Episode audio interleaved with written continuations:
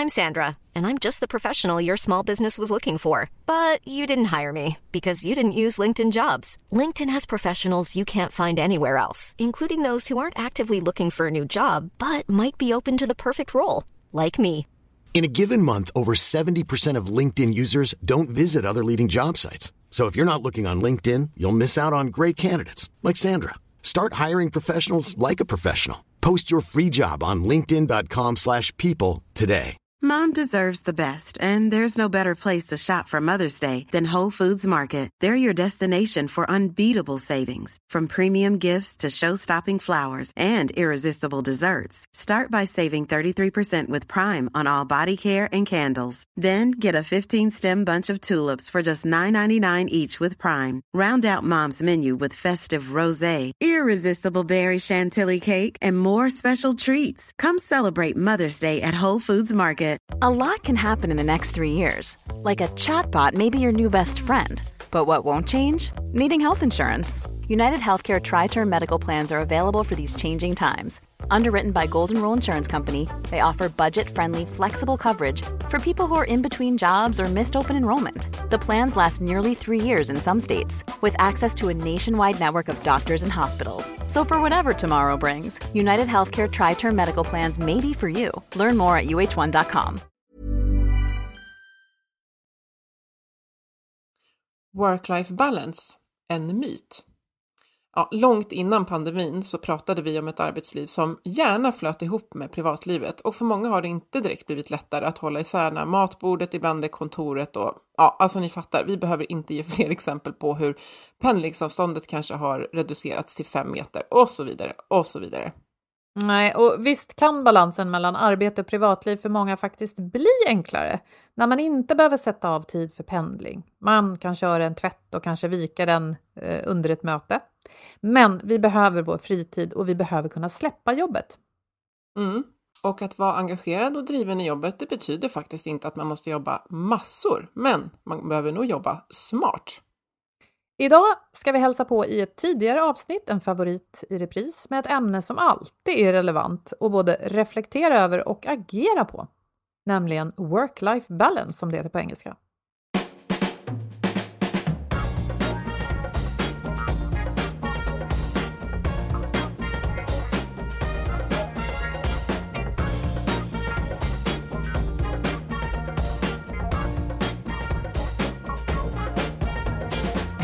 Du lyssnar på Health for Wealth. Det här är en podd om hälsa på jobbet. Hälsa handlar om så mycket mer än att knapra morötter och springa runt i tights. Hälsa kan handla om bra samarbeten, att både ha en tydlig riktning och frihet att agera självständigt och trygga ledare som har tid att leda. I den här podden tar vi ett helhetsgrepp på hälsan på jobbet. Allt ifrån hur man hanterar gränslöshet, digitalisering, stillasittande till hur vi tillsammans bygger arbetsplatser där människor både mår bra och presterar. Vi är Ann-Sofie Forsmark, jag driver organisationen Oxigroup. Och Boel Stier kommunikationskonsult. Lyssna på oss så får du nya idéer och inspiration varje vecka för dig som är chef, ledare, jobbar med HR och medarbetare såklart. Ja, så dagens ämne då. Work-life balance, schmallens. Schmallens. Har du skrivit i vårt manus? Ja. Roligt. Vi har berört det flera gånger och du, du jobbar ju med det här hela tiden, Ann-Sofie. Ja. Och, och jag menar, vi strävar kanske de flesta av oss efter hela tiden också. Ja, jag jobbar med det i mitt företag och alla individer verkar jobba med det. Eh, Ja. eh, liksom för egen, för egen del. Men ehm, ja, det, var, det, var, det är väl så att jag tror inte att jag möter någonstans att man inte pratar om det här som ett fokusområde. Eh. Mm. Men det verkar så otroligt eh, svårt att få till. Bara du och jag sitter ju och, eh, och pratar om det här och känner att det är, ju, det är svårt att få till det. Det, det går inte att sticka under stol med. Eh, men det gäller också att eh, det inte bara är ett fluffigt begrepp. För work-life balance för mig kommer ju vara något helt annat än för dig och något helt annat för Matilda som vår tekniker här. Mm. Eh, det är helt unikt vad det är, men det finns liksom vissa faktorer eh, som, det, som det bör innehålla. Och när jag utbildar nu, då försöker vi definiera det som att det är ju att känna att jag har energi när jag ska gå till jobbet, att göra mitt jobb. Mm. Och sen har jag energi när jag går ifrån jobbet, att eh, ha fritid. För att tittar man på, och vad heter de då? OECD, de har en definition på work-life balance. Eh, men de tittar bara på tid. Och då Mhm. ligger ju Sverige väldigt bra till, för att Mm. vi eh, timmemässigt kanske inte jobbar mest i Europa. Men eh, det handlar om också, också ha energi till den där tiden som man har. Mm. Eh, så att de lägger inte in värdet på hur, hur mycket energi har folk när de går från jobbet. Men tid och energi för att skapa en värdefull fritid. För gör vi inte det, då kommer vi mer eller mindre medvetet att börja känna att jobbet, det tar väldigt mycket från oss, även om vi älskar det. Eh, så vi behöver få till att vi kan skapa värde på båda delarna. Jag tänkte på det där som du sa tidigare, att få tid med barnen. Nu har ju inte alla barn. Nej. Och de som har barn, ja, men det är oftast mitt i livet. Eh, väldigt många människor är ja, tidigt i livet kanske. Och jag vet att Ida bland annat i sitt avsnitt eh, nämnde det här att lite äldre personer, jag uppfattar det som kanske 50 plus, Mm. senare i arbetslivet hade, det var risken för att drabbas av stressrelaterad ohälsa lägre. Mm. Och jag vet inga orsaker, men jag kan tänka mig sådär att man får ett skydd när man har jobbat ett tag. Man kanske blir lite tryggare, barnen Mm. är utflugna, det finns lite slack i livet. Möjligen då. Mm. Men då tänker jag på unga människor. För väldigt mycket av det här att våga prata om saker och att våga göra någonting åt ett problem man ser. Jag tänker att det kan vara svårare när man är ung. Eh, man kanske liksom inte etablerar sig på arbetsmarknaden så att man känner sig trygg nog Mm. och säga ifrån och sådär. Och, och, så er som lyssnar som är unga vill jag verkligen stärka. Att på något sätt hitta stöd i andra människor för att våga då göra en förändring och Mm. inte bara gå till jobbet när man är sjuk. För det kommer att krascha en dag. Ja. Och då går det ju framförallt ut över dig själv. Det är det som är så orättvist då. Fast Mm. man kanske har försökt plisa en arbetsgivare eller en chef eller sådär. Ja, och det, och det är väl det här som alla pratar om och så här ska det inte vara och sen verkar det vara så otroligt svårt att... Så gör vi inte så. Så gör vi inte så signalerar ändå. konstiga grejer till alla unga också som kommer in på arbetsmarknaden. Ja, och just att det går så trögt och det är frustrerande att det ska vara svårt att få bukt med något som i de flesta fallen uppstår just hos oss som egentligen har det väldigt materiellt bra om man tittar på världsnivå. Om man har ett jobb, ja. Ja. Mm. för work-life balance det är ju inte ett begrepp som man pratar om kanske i fattiga länder. Eh, och vi pratar om att sitta fast i ekorrhjulet och jag, alltså det har kommit ut det kom ut någon bok här, då handlar det ju inte om att liksom, oj, det var lite för mycket, jag skalade ner, utan det handlar ofta om att göra en tväromvändning, typ flytta ut på landet, börja karda ull och tova eh, ullbroscher, typ så här. Nej, men jag känner att jag vill jobba med händerna. Ja, och jag, eh, om det är någonting som jag vill förmedla, då är det att det, går, det finns ett mellanting mellan att springa som en galning i ett ekorrhjul mot en liksom, materiell fokuserad karriär, självförverkligande och att flytta ut i ett hus i skogen utan wifi. Vet Mm. du, det går att bo i en förort i Stockholm, ha två barn, älska sitt jobb, brinna för utveckling och ändå hålla över tid. Mm. Och det är där jag tror att jag och du och väldigt många är och vi behöver få det att funka. Mm. Och jag lyssnade också på Harvard Business Review, eh, en av deras podcaster, och då pratade man om varför arbetande kvinnor i USA var så stressade. Mm. Och då hade hon intervjuat kvinnor i, nu ska jag se om jag kommer ihåg rätt, men det var USA och så var det Tyskland och så var det Italien och Sverige. Och vi liksom lyftes ju upp på piedestal Mm. i vilka förutsättningar vi har i Sverige för att få ihop arbete och privatliv. För vi har eh, liksom vårt vad heter det, föräldraförsäkrings alltså system och bara Mm. lagmässigt Man kan vara hemma när man är nyförlöst och, och några månader utan att bli av med jobbet. Ja, pappan och mamman. Det finns försäkringar som täcker upp. Ja, kan vara hemma lika mycket. Vi får Om man arbeta, har ett jobb ska jag bara säga. Om man För har man jobb, inte ja. haft ett jobb blir det ganska dåligt allting. Ja. Ja, då blir det inte så bra sån här, vad heter det? Nej, då Ja. är det faktiskt ganska dåligt allting. Ja, men just att vi har rätt att, att arbeta deltid tills barnen är åtta. Mm. Ehm, vi har vår eh, lagstiftning organisatorisk och social arbetsmiljö. Pappor tar hyfsad del i eh, hemmavarandet Ja. med ungar när de anländer. Ja. Mm. nej, men så på, på pappret, lagmässigt och strukturellt så skulle jag säga att det finns inte någon organisation där man kan gå in och titta på det som sitter i regler och struktur som, som man ser att det här orsakar ohälsa, utan det är mer saker som är lite mer dynamiska Mm. eller orsakar att vi inte kan uppnå work-life balance, Mm. utan det är inte, du är inte schemalagd 60 timmar i veckan. Du har inte en arbetsbeskrivning som gör att du måste svara i telefon när jag ringer dig klockan 12 mm. på natten. Alltså vissa har ju Och min man står inte då... hemma och undrar varför inte maten är på bordet när Nej. vi båda kommer hem halv sex. Nej men precis, alltså, det, så vi, alltså strukturellt om man tittar på det utifrån mm. så, så ser vi att vi har alla förutsättningar. Det tror jag att det är svårt att hitta eh, jättemycket problem där. Men du, när artikelförfattaren eller poddaren då i det här fallet lyfte mm. upp Sverige, sa hon någonting, jag inbillar mig att det var en kvinna mm. som skrev, mm. eh, sa eller skrev hon någonting om hur det faktiskt var då? För det är en sak som du säger, hur det ser ut på pappret. Men har vi det bättre? Ja, absolut mycket ja. bättre än eh, de här amerikanska kvinnorna. Men de hade ju verkligen det här att de förväntades att både de, de Rodda hemmet och jobbet. Ja, de hade ingen förväntan enligt henne, eller lite överdrivet, men de hade en låg förväntan på att arbetsplats och liksom stat skulle stötta dem i att få ihop arbete och mm. Eh, man privatliv. Är själv, man medans, är sin egen... Ja, ja. men medans, det tror jag vi har en förväntan om att det ska... Det. Vi vet hur det ligger till. Ja. Vi vet hur sånt ser ut. Precis. Ja, nej men så, så den lyssnade jag på. Och sen så eh, läste jag också en fantastisk eh, artikel som också är från Harvard, Harvard Business Review. Ja, den har massor med bra grejer. Eh, och ja, nej men den här var så här fantastisk. Jag låg och, och läste och så skickade jag den till dig och bara, det här poddar vi om, sa jag. Mm. Eh, för att den beskrev så himla bra, den satte liksom ord på det som jag inte riktigt har lyckats formulera i mitt huvud, vad vi faktiskt behöver eh, göra. Mm. Eh, och den handlade om studier som en ideell organisation som heter Ideas 42 bedrivit och eh, de använder beteendepsykologi för att försöka lösa stora problem. Och det är ju, beteendepsykologi, det handlar ju om att förändra beteenden och det är ju trots allt vi människor som ska förändras. Och som sagt, de kom också till den här insikten som inte är så svår att få, att de, de flesta större organisationer, de har work-life balance som kärnvärde.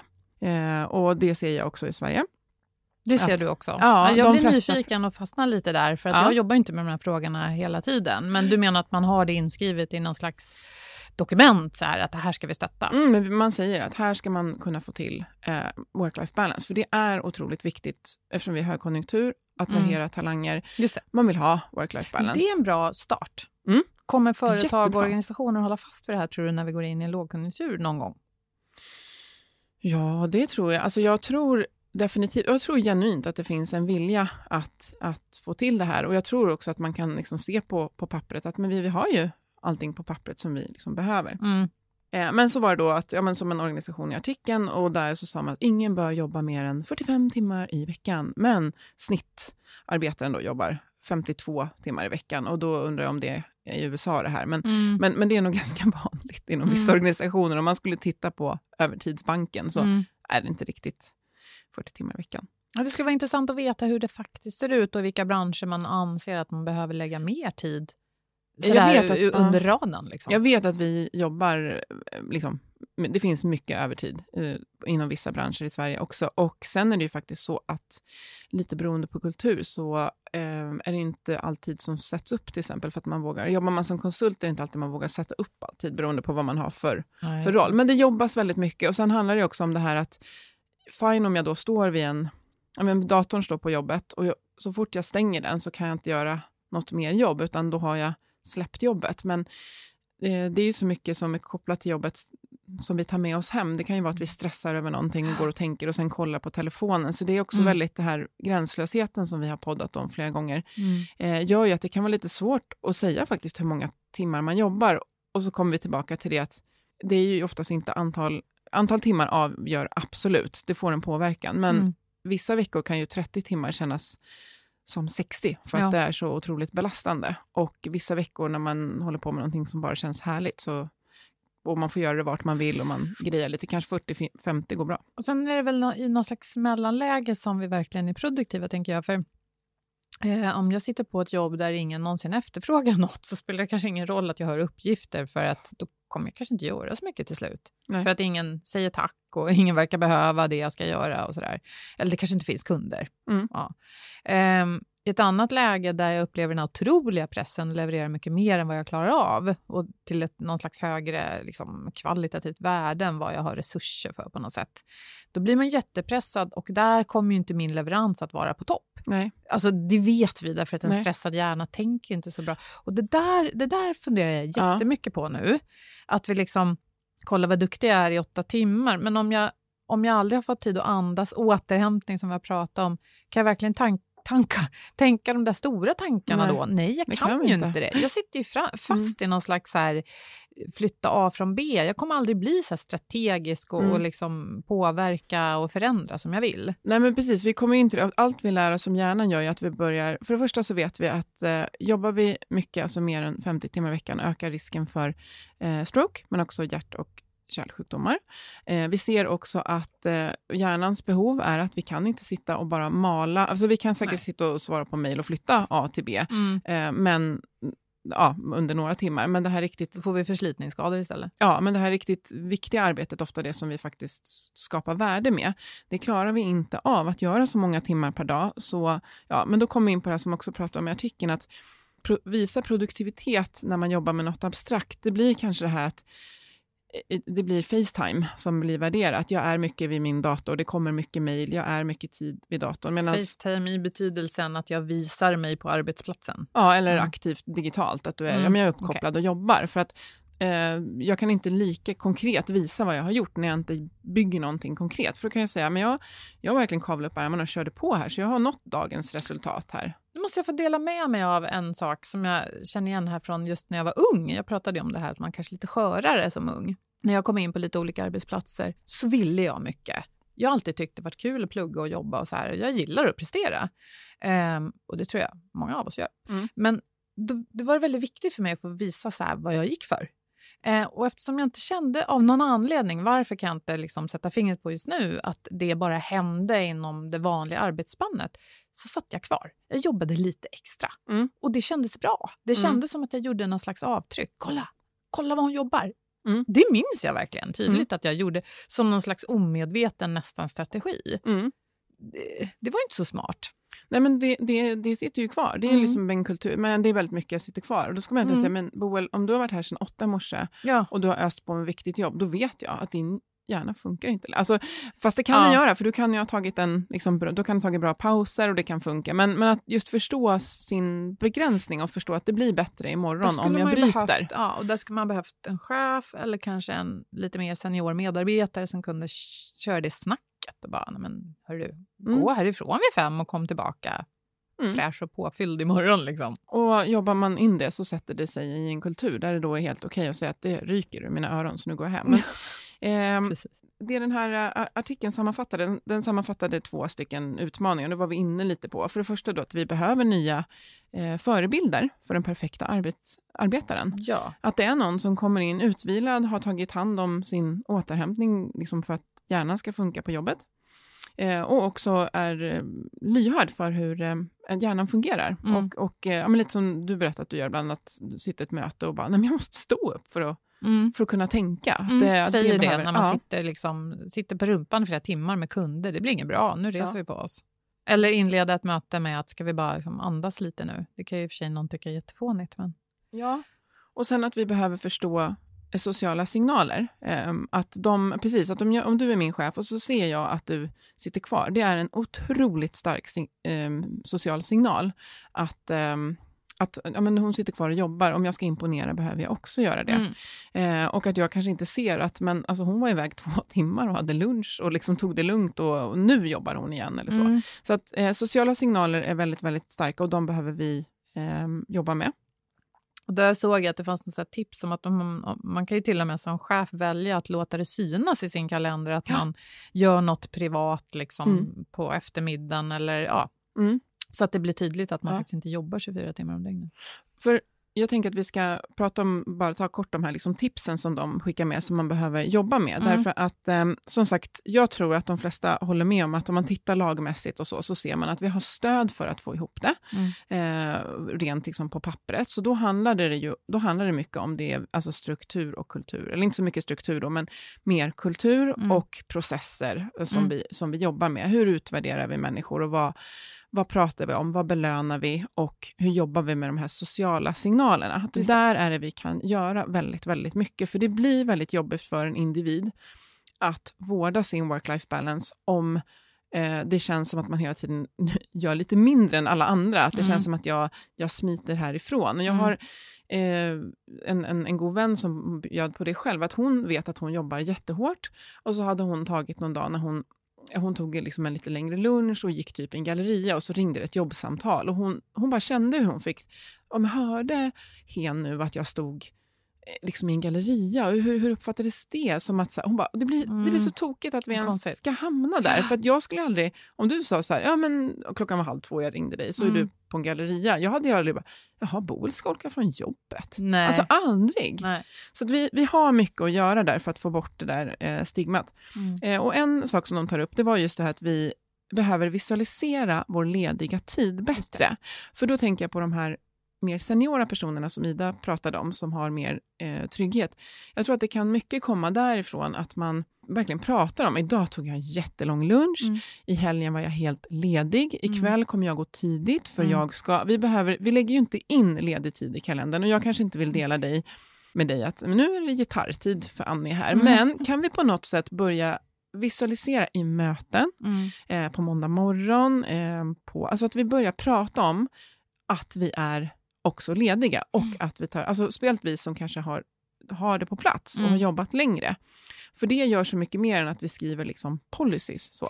Till exempel visa i kalendern, den här tiden är jag tillgänglig för mötesbokningar, men inte den här tiden. Nej. För då ska jag vara ledig. Ja, så det Eller tror jag att man, tänka. speciellt som chef och mer senior, kan mm. Eh, bjussa på. Och sen behöver man också, eh, det här har jag också förespråkat jättelänge, att det är många som har en känsla av att man, man springer på möten hela dagen och sen när dagen är slut, då får man tiden att göra, nu, nu är jag citationstecken, det riktiga jobbet. Ja. Och jag kan själv vara där, att jag försöker ha så här, måndagar och fredag eftermiddag, de ska vara, eller helst hela fredagen, blockade för att inte ha möten. Mm. För jag har alltid såklart grejer att göra efter de möten jag har haft. Ja. Eh, och det här behöver vi och också bygga in. kommande möten. Inför kommande möten. Mm. Så det här behöver vi bygga in. Speciellt i konsultbranschen blir man väldigt snål med den här tiden. Ungefär som man tänker att då blir det interntid. Men i de allra flesta fall så har man även kundjobb som liksom har lite slattar här och var som mm. har spullit över, som man kan behöva för att leverera bra kvalitet, ta hand om kanske en fredag eftermiddag. Så att, eh, ha bokad tid för att göra klart jobb att mm. prata om det och deras exempel är en akutmottagning. Det vore idiotiskt att ha fullbelagt i alla rum, mm. för det kommer hända någonting. Och då måste det finnas ett tomt rum där man mm. kan ta hand om det som liksom blir, gud, det här måste jag lösa. Och tänk vilken trygghet också att känna att, men gud, nu kom det där in. Men jag har ju den här tiden på fredag eftermiddag när jag mm. kan så. Nej, men precis. Det var det här som Ola Jameson sa, att uh, vi lägger för lite tid på före och efter. Om man ja. tänker som ett fotbollslag jobbar så spelar man inte match hela tiden. Nej. Det är inte så man blir bra. Nej. Och eh, har vi tid att... För det här kan också vara lite tid för reflektion. Det är faktiskt mm. där vi lär oss att utvecklas. Eh, och sen behöver vi också göra arbetsbelastningen mer synlig. Och det kan också vara svårt då när man jobbar med mer abstrakta eh, arbetsuppgifter, när det inte är så ah, jag ska bygga den här bilen och vi ser att vi inte ens satt på, alltså det är mm. bara karossen, eller vad mm. heter det? Ja, mm. det har bara skelettet här. Då är det ganska tydligt att det är mycket kvar, men när man jobbar med mer abstrakta uppgifter så kan det vara svårt att visualisera arbetsbelastningen, men mm. kompetensen om hur stor den är, den bör finnas i organisationen. Att man, ja, men hur mycket jobb har du kvar. Jag tänker på när jag var typ revisor så jobbar man, så här, man reviderade olika liksom, poster och steg. Eh, och då, de till antalet sa ju inte så mycket, för man visste att man kunde ju hitta någonting i de där mm. stegen, så man behövde alltid ha lite så här contingency eh, utrymme. Alltså, mm. vad, vad heter det på svenska? Ja, så var beredd på det oväntade. Ah. Alltså ah. buffer, som i en budget, vad är det? du ska alltid lägga 10 för, något, för en oväntad utgift. Ja. Det är lite samma sak, fast ja, med men tid. lite så. Så att vi faktiskt försöker att visualisera, både för oss själva när vi planerar veckan, för att bara kalenderbokningarna säger inte så mycket om hur den arbetsbelastningen känns, så att vi faktiskt ser, men det är wow, det här är supermycket. Så.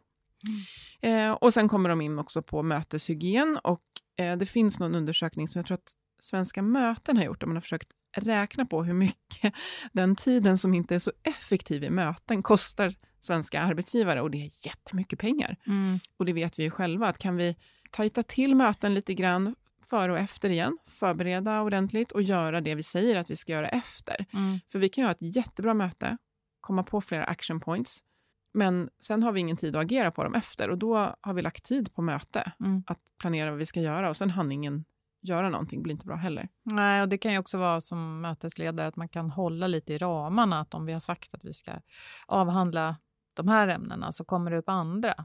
Mm. Så kanske man säger att ja, men vi får parkera det här för det är fel forum, det kanske inte är rätt personer närvarande utan då tar vi ett annat möte om det senare eller så. Så att man håller lite ordning och reda. Mm. För det, det känner jag i alla fall igen att det finns en del projekt och en del sammanhang som liksom sväller ut Ja. på ett sätt som inte är sunt. Nej. Och det stressar också. Och då gäller det att, någon liksom tar det där och bara, "Men vänta nu, nu, nu, nu känns det som det här händer varje gång och det blir Mm. minuter och timmar över tid.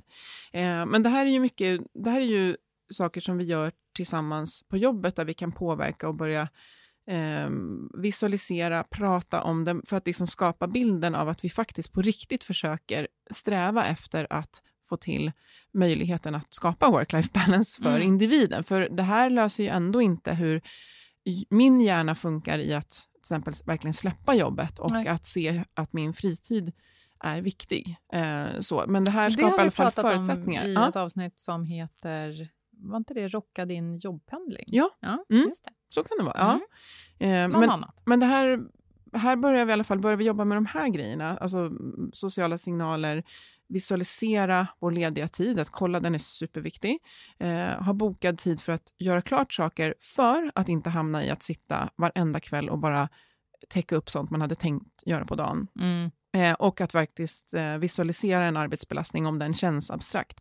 Det, det skapar verkligen en signal om att vi försöker verkligen se till att det ska gå att gå från jobbet, att vara ledig och att det känns okej Mm. och, och viktigt och stöttat. Så. Jag tänkte också på det här med to-do-listor. Att göra listor, att de väldigt lätt blir orealistiskt långa. Eh, och när man då aldrig hinner med det man har planerat att göra så ger det en konstant känsla av otillfredsställelse och att inte vara bra. Så det försöker jag säga till mig själv och mina barn även. Mm.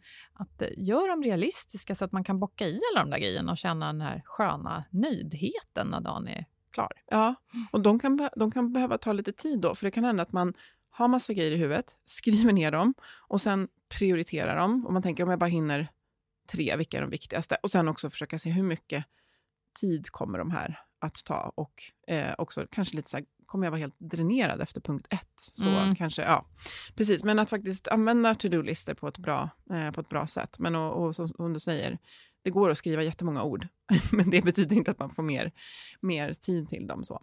Eh, jag tror att eh, vi kommer få slita med att få till vår work-life balance i många år till. Jag Mm. tänker hela tiden på att, att använda ordet work-life balance indikerar att man ofta har det materiellt ganska bra. Och man har egentligen.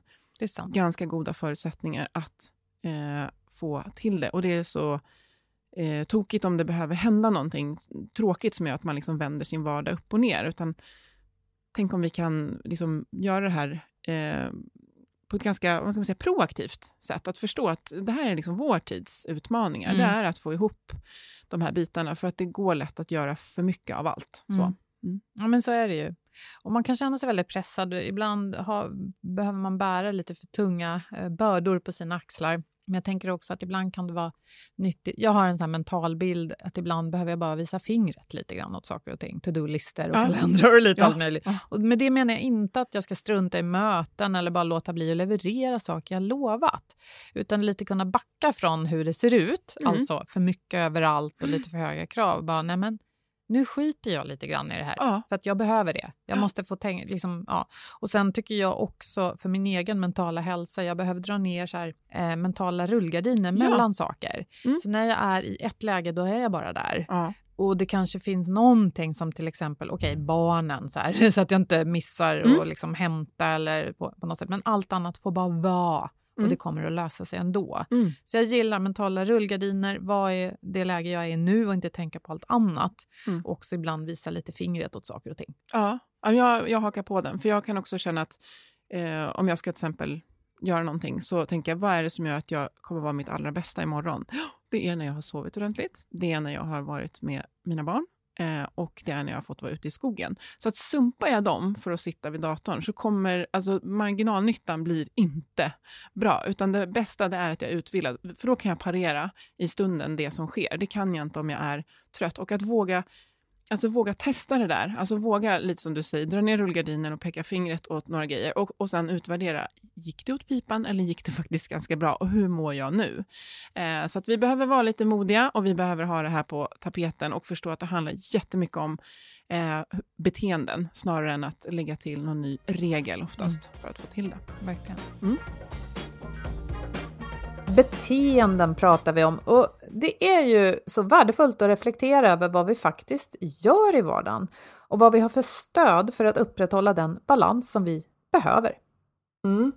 För det handlar ju både om den struktur, alltså mycket organisatoriska faktorer som finns i en organisation för att möjliggöra work-life balance, men kulturen, alltså det som vi skapar tillsammans, de beteenden som på något sätt är norm. Och här tror jag att de här ruskas om eh, och behöver ruskas om när vi övergår till nya arbetssätt.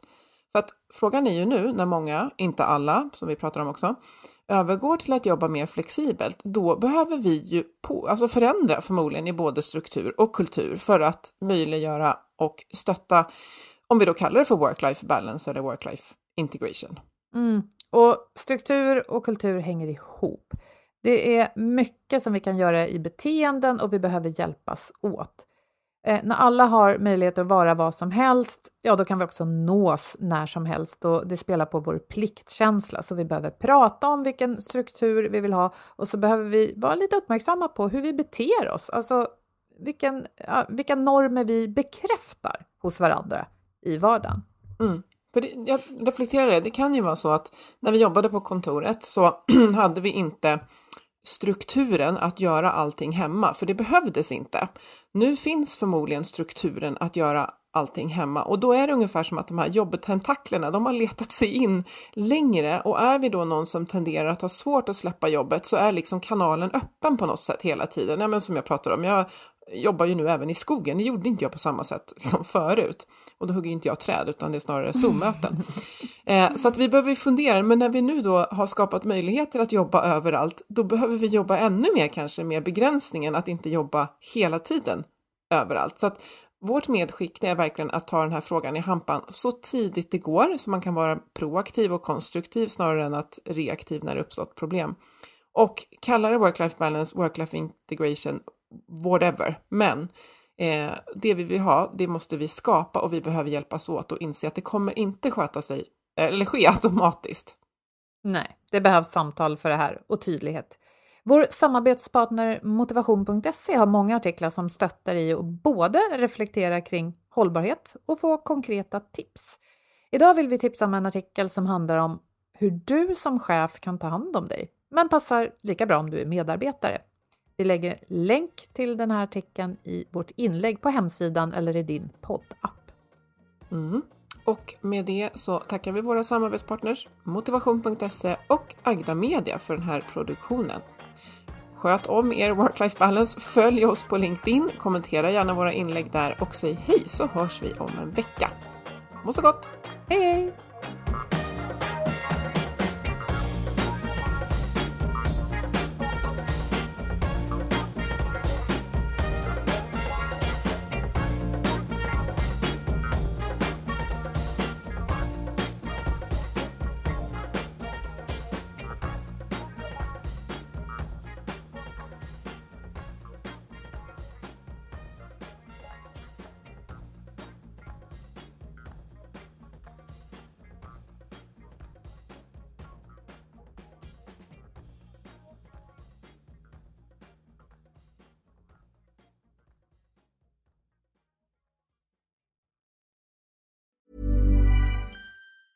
Mom deserves the best, and there's no better place to shop for Mother's Day than Whole Foods Market. They're your destination for unbeatable savings, from premium gifts to show-stopping flowers and irresistible desserts. Start by saving 33% with Prime on all body care and candles. Then get a 15-stem bunch of tulips for just $9.99 each with Prime. Round out Mom's menu with festive rosé, irresistible berry chantilly cake, and more special treats. Come celebrate Mother's Day at Whole Foods Market. Planning for your next trip? Elevate your travel style with Quince. Quince has all the jet setting essentials you'll want for your next getaway, like European linen, premium luggage options, buttery soft Italian leather bags, and so much more. And is all priced at 50 to 80% less than similar brands. Plus, Quince only works with factories that use safe and ethical manufacturing practices.